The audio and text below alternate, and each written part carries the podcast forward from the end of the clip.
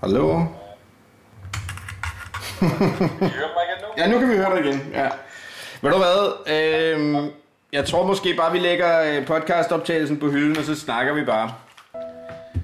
Det er Det, ja, det er lidt synd, men, men det bliver lidt noget råd, fordi når jeg taler nu, så vil det komme ind på din båndoptager. Vi kan godt gøre det. Okay, vi, vi gør det, vi lader dem optage, og så prøver vi at sende filerne, så prøver vi at se, øh, om vi kan få det til at lyde nogenlunde okay.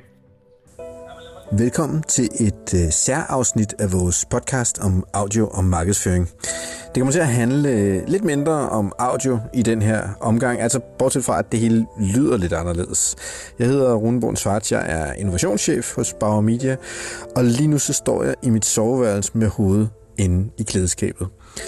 Podcasten her er nemlig lavet over Teams og optaget på mobiltelefoner, og det er derfor, det lyder øh, lidt som om, jeg nogle gange råber, når jeg stiller spørgsmål til vores gæst, øh, Jakob Holst Mauritsen. Øh, lyden, den er i det hele taget sådan lidt øh, corona-ramt, og det skal handle om krisen. Det skal handle om, hvordan brands kommunikerer øh, under krisen, lige nu og her, og på den lidt længere bane, og så skal det handle om, hvilket kommunikationslandskab vi kan forvente at møde, når vi kommer ud på den anden side. Jakob Holst Mortensen er gæst i det her afsnit, og Jakob han er strategikonsulent og medejer af firmaet Holst Mortensen, hvor han rådgiver om marketing og branding. Jakob, tak fordi du ville snakke med os. Vi, øh, vi vil jo prøve at kommunikere til vores, øh, til vores øh, hvad hedder det, nyhedsbrevslæsere øh, og til vores kunder, og, og i virkeligheden også vores kolleger, der jo rådgiver øh, alle mulige forskellige virksomheder om, om hvordan de skal markedsføre sig. Øh, vi, vi vil prøve at snakke lidt om, om den, den, den super nære tid, altså det, der sker lige nu og her. Øh, så vil vi gerne snakke lidt om, om øh, de næste tre måneder, og så vil vi gerne snakke lidt om, du kan sige, den tid, der kommer efter, om den så hedder resten af 2020, eller om den hedder bare post, post-corona, øh, om jeg så må sige. Men hvis nu vi kan starte med det, der foregår lige nu og her. Hvordan synes du, når du kigger ud over sådan markedsførings Danmark og, og verden for den sags skyld, hvordan synes du, at, at virksomhederne har taklet øh, coronakrisen sådan kommunikationsmæssigt? Jeg synes, der er nogen, der har taklet det øh, rigtig flot. Øhm, Jeg synes især nogle af dem, som der har øh, valgt at omstille sin produktion til at lave øh, hånddestillering for eksempel. Jeg tror, det var LM, øh, LVMH, altså Louis Vuitton og hvad de ellers hedder. Så der var nogle af de første, der omstillede sig øh, til det. De fik pæn omtale på det, fordi det er jo at gøre en forskel. Og det hele i dag, det handler om rent faktisk at, ikke at kommunikere, men at gøre noget. Og så kommunikere det, du gør. Dem, der har valgt den retning, er kommet hederligt ud af det, vil jeg sige. De andre øh, er kommet mindre pænt ud af det. Øhm, man kan sige, vi sidder jo meget privilegeret i Danmark og har et utroligt, øh, utroligt godt offentligt mediebillede i virkeligheden. Øh, vi, vi er relativt homogene, selvom man taler om et fragmenteret mediebillede, så er vi tr- st- trods alt stadigvæk relativt homogene i den måde, vi får informationer fra. Og når vores statsminister går på, øh, på scenen og siger noget, så lytter de fleste af os. Så på den måde, så, øh, så, så er vi relativt privilegeret. Og, og, og for det standpunkt, der når jeg kigger ud i verden og ser McDonald's, der, der skiller deres... Øh, der skiller deres øh, logo ad for at vise, at vi skal lave social distancing, og en masse andre øh, virksomheder, der gør det samme, så virker det sådan lidt hult, og det virker som om, det klinger lidt på en, øh, et, et hjul, som vi måske ikke helt kører på i Danmark. Øh, jeg kan ikke rigtig sige, hvordan det er, hvis du sidder i Brasilien eller Ecuador, om det er vigtigt og virker som om, at det giver mening. Men fra et dansk standpunkt, der, øh, der virker det som om, at det, det, det misser skiven. Og så er der dem, der fuldstændig misser skiven for tiden. Øh, og det er dem, der har truttede lidt for hårdt i deres purposehorn øh, på det sidste. Øh, truttede i hornet på, at vi er gode, og vi skal redde verden, og vi snakker FN's 17 verdensmål, og vi sætter vores kunder først, og vi sætter vores medarbejdere først, og vi går op i lokalsamfundet, og så lige så snart krisen rammer, så pakker ledelsen og bestyrelsen sammen, aktionærerne får deres penge, og medarbejderne bliver fyret. Det er en af de situationer, der nok vil blive husket for fremtiden. Bestseller står i den lige nu. Adidas har fået ørerne maskinen i Tyskland. Øh, der er flere virksomheder, der virker som om, at de, øh, de, de, de står lidt på gyngende grund. Virgin, som ellers havde i deres værdisæt, at øh, de satte øh, medarbejderne først. Jeg tror, det var Branson, der sagde, øh, put your employees first and customers will love you. Og det første, han gjorde, det var at fyre øh, en masse af dem og sætte dem hjem uden løn i seks uger uden, øh, ja, uden løn. Det klinger lidt hult. Der er jo mange, der i virkeligheden har stoppet op og ligesom valgt ikke at kommunikere, altså havde haft planlagt kommunikation på den ene eller den anden måde, øh, og, så, og så ligesom stopper op. Øh, hvad taler for at gøre det, og hvad taler øh, imod? Jeg synes, det der taler for lige nu, det er, at øh, der er mange andre ting i verden, der fylder i, øh, i hovederne på folk, og det at få plantet et budskab er nok ikke voldsomt nemt. Øhm, der er rigtig mange andre ting, der betyder noget. Chancen for, at man træder ved siden af, virker ud af trit med zeitgeisten, øh, virker som om man ikke lige øh, øh, følger med selv, øh, og bare prøver at lukrere øh, på noget kommercielt i en krisesituation. Den er til stede. Så jeg kan godt forstå, at der er nogen, der bakker. Øh, det, der taler for, at man bare fortsætter, det er udover en masse analyser og data fra tidligere kriser, der viser, at dem, der fortsatte med at markedsføre sig, også var nogle af dem, der klarede sig bedst igennem krisen, så er det faktisk også en situation nu, hvor at, øh, man jo nok også må sige, at annoncekronerne er billige, eller annoncepriserne er billige. Facebook er faldet med en 25-30 procent. Øh, jeg ved, at de fleste andre danske medier lider øh, i nok i endnu højere grad end det. Øh, så hvis man gerne vil ud med et budskab, og man har nogle penge, så er det jo relativt billigt at købe sig til opmærksomhed nu i hvert fald. Men hvad ved vi egentlig om det her med at kommunikere i en krisetid? For der har været nogle, der var nogle analyser på banen, der blev lavet i, i 8-9 øh, stykker, der, der, der, der sagde noget om, at brands klarede sig bedre. De her analyser bliver oftest bare refereret i, i et stort procenttal, om jeg så må sige. Men hvad, kan, du, kan du prøve at fortælle mig lidt om, hvad, hvad ved vi egentlig om det at kommunikere i en krisetid? Lige nu virker det som om, at, øh, at strategerne, og det siger strategerne i anførselstegn, så mener jeg, at strategerne fra de forskellige grene, de ligesom mødes inde på boldbanen, og vi snakker forskellige sprog. Der er finansstrategerne, der er MA-strategerne, der er IT-strategerne, der er marketingstrategerne, der er kommunikationsstrategerne, og så er der dem, der sådan er generelt måske mere hybrider. Øhm, og, og vi snakker ikke samme sprog lige nu. Så når en marketingstrateg går ud og citerer et studie fra VARC, øh, som påviser, at under den sidste krise, både den i øh, 08, 09, 10, finanskrisen, og den, der var i 82, og den, der var i dot-com-boblen, der er de brands, der på forhånd var stærke, de klarede sig gennemsnitligt ni gange bedre igennem, end dem, der ikke var. Og det er sådan en, hvor at øh, en finansstrateg kigger på marketingstrategen og ryster på hovedet og siger, ja, det er fint, men det er fordi store brands har mange penge, der gør, at de kan opkøbe virksomhederne, der er mindre, som har problemer, fordi de har et større cashflow og større egenkapital. Øh, og så begynder du ligesom at have sådan øh, en, en rundgangssnak, hvor man egentlig tager nogle grafer ud af nogle kontekster, som du ikke rigtig kan bruge til noget. En af de andre, der florerer lige nu, det er en, øh, det er en graf fra øh, Binet og Field, som er de her to professorer, øh, skråstreg marketing-effektivitetsforskere fra England, der har skrevet The Long and Short of It, øh, som de blev kendte på. Øh, det er blandt andet dem, der har lavet den her regel om, at man skal lægge 60% i branding og 40% i aktivering, for ligesom at få det optimale split øh, i dit marketingsbudget. Øh, men de har været ude og lave en analyse af, øh, hvor mange penge, hvor meget salg man gik glip af i finanskrisen sidste gang, hvis man valgte at cut sit øh, marketingbudget. Der har de valgt at sige, at dem, der øh, valgte at fastholde det, dem, der valgte at halvere det, og dem, der valgte at fjerne det fuldstændig. For dem, der valgte at fjerne det fuldstændig, der tog det fem år for dem at komme tilbage på øh, fuld salgstal igen. Men igen med til den ligning, der er der bare noget, der hedder, at der er nogle kontekster lige nu, der er nogle situationer lige nu i et virksomhed, der bare gør det fuldstændig latterligt og umuligt at gå ind til en topchef og en finansdirektør som marketingchef og sige, prøv at høre venner, jeg har en graf her, hvor der står, at hvis vi bare bliver ved med at lave brandkampagner, så skal vi nok klare den. Altså vi står og kigger ind i, at man skal fyre 750 mand, man bløder 100 millioner om ugen i burn rate, fordi man, man har lukket butikker. Øh, det er nok ikke nu, at du skal begynde at, øh, at ruske i marketingtrammerne.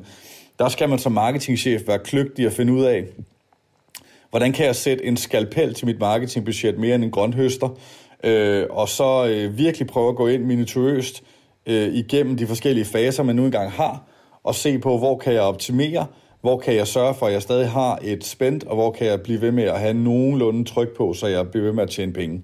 Men øh, det er nok ikke nu, man skal begynde at komme i de store investeringer. Vi ved jo ikke noget om præcis, hvornår vi øh, kommer rigtig udendørs igen, men i, i går, øh, det her det optager vi den 31. I går, der øh, hvad hedder det, sagde statsministeren, at efter påske kunne der være mulighed for en gradvis genåbning, øh, om jeg så må sige.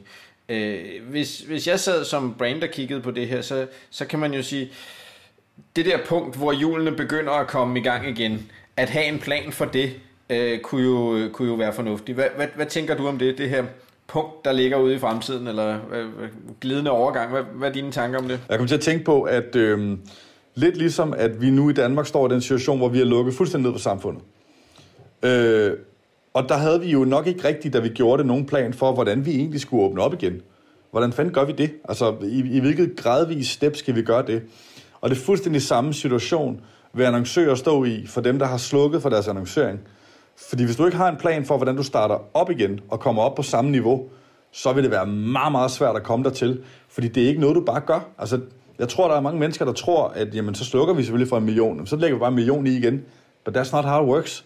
Alle dine, alle dine segmenter vil være dårligere, dine cookies vil dø, din, altså din motor, din digitale motor vil, vil, vil udløbe, øh, du vil have meget fladere kurve på, din, øh, på dine marketingaktiviteter i forhold til effekten. Øh, det, er ikke, det er ikke bare lige sådan at ramp op igen på dit marketingbudget.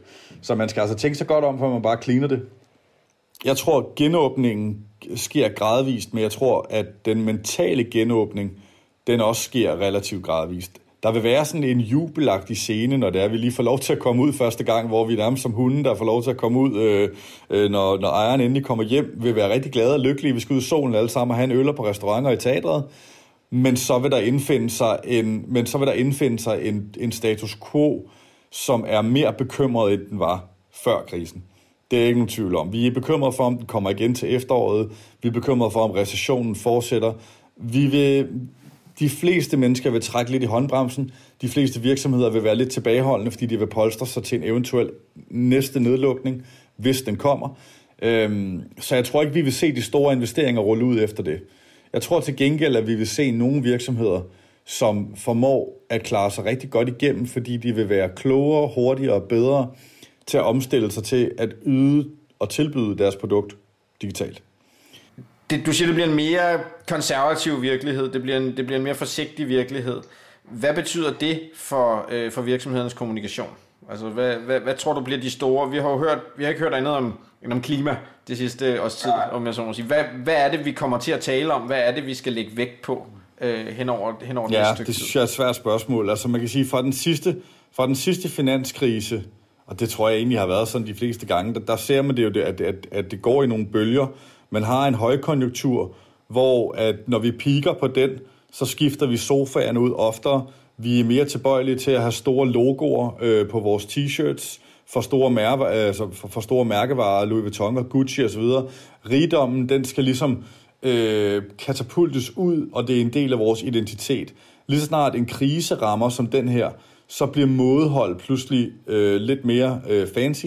Efter finanskrisen sidste gang, der fik vi hele normcore-bølgen, hvor at det egentlig bare var fedt at gå i, øh, i, i, i blå jeans og en, øh, og en hvid t-shirt, og ikke øh, overhovedet ligne nogen, der havde penge.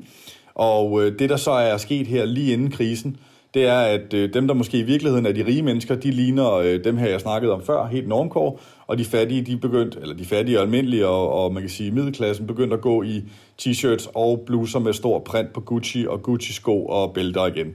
Og jeg tror, at vi vil komme tilbage til et punkt, hvor at man nok vil se, at det igen går lidt i sig.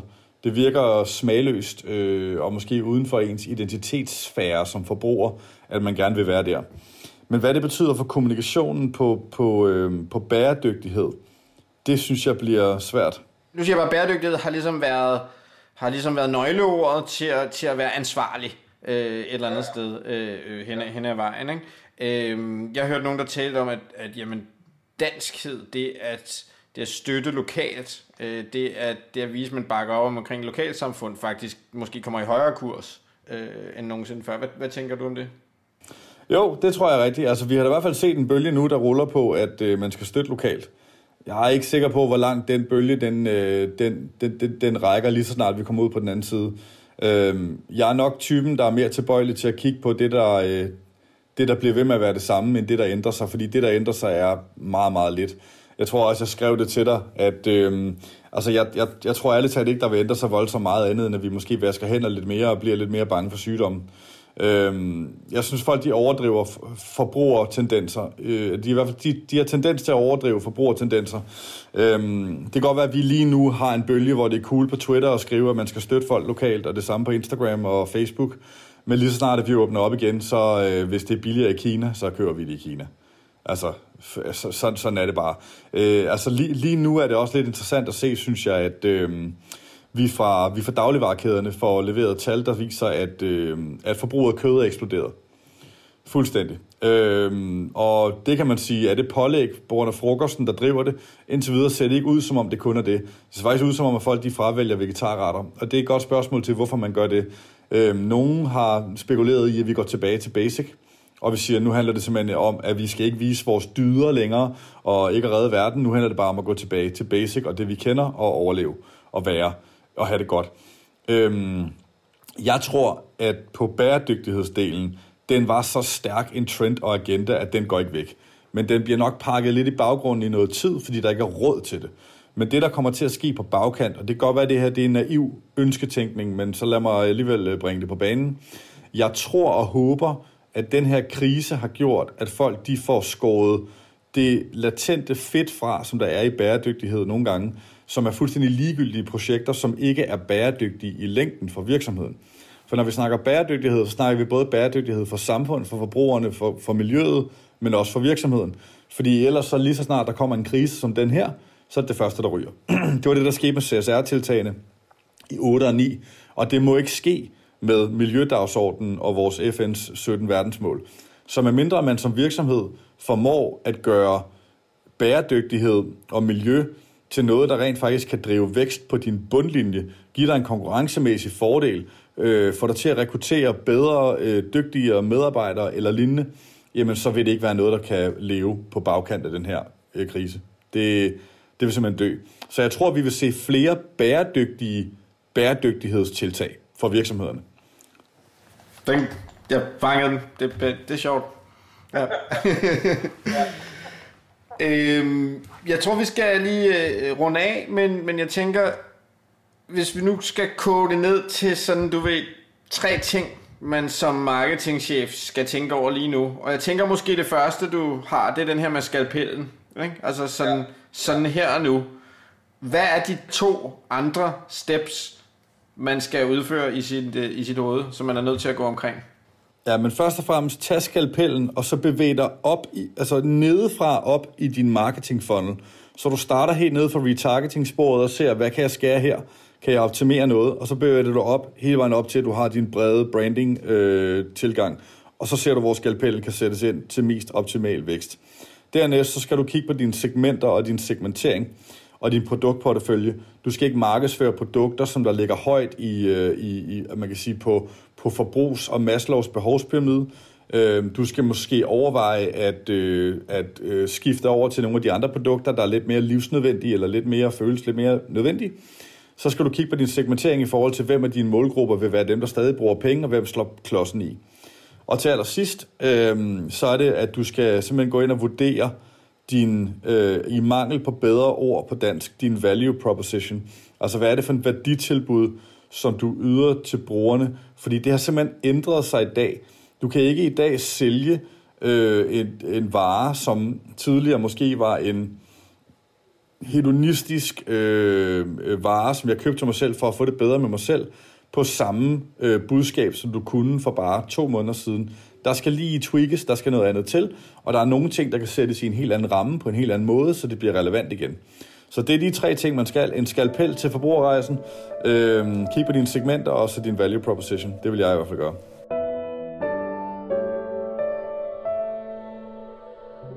Podcasten her er produceret af Bauer Media. Gå ind, ind på bauermedia.dk, hvor der ligger en masse artikler om øh, audio og podcasting og radio i det hele taget. Mit navn er Rune Bund Svarts, og du er også meget velkommen til at skrive til mig med tanker eller perspektiver på det, du hører. Du fanger mig på rune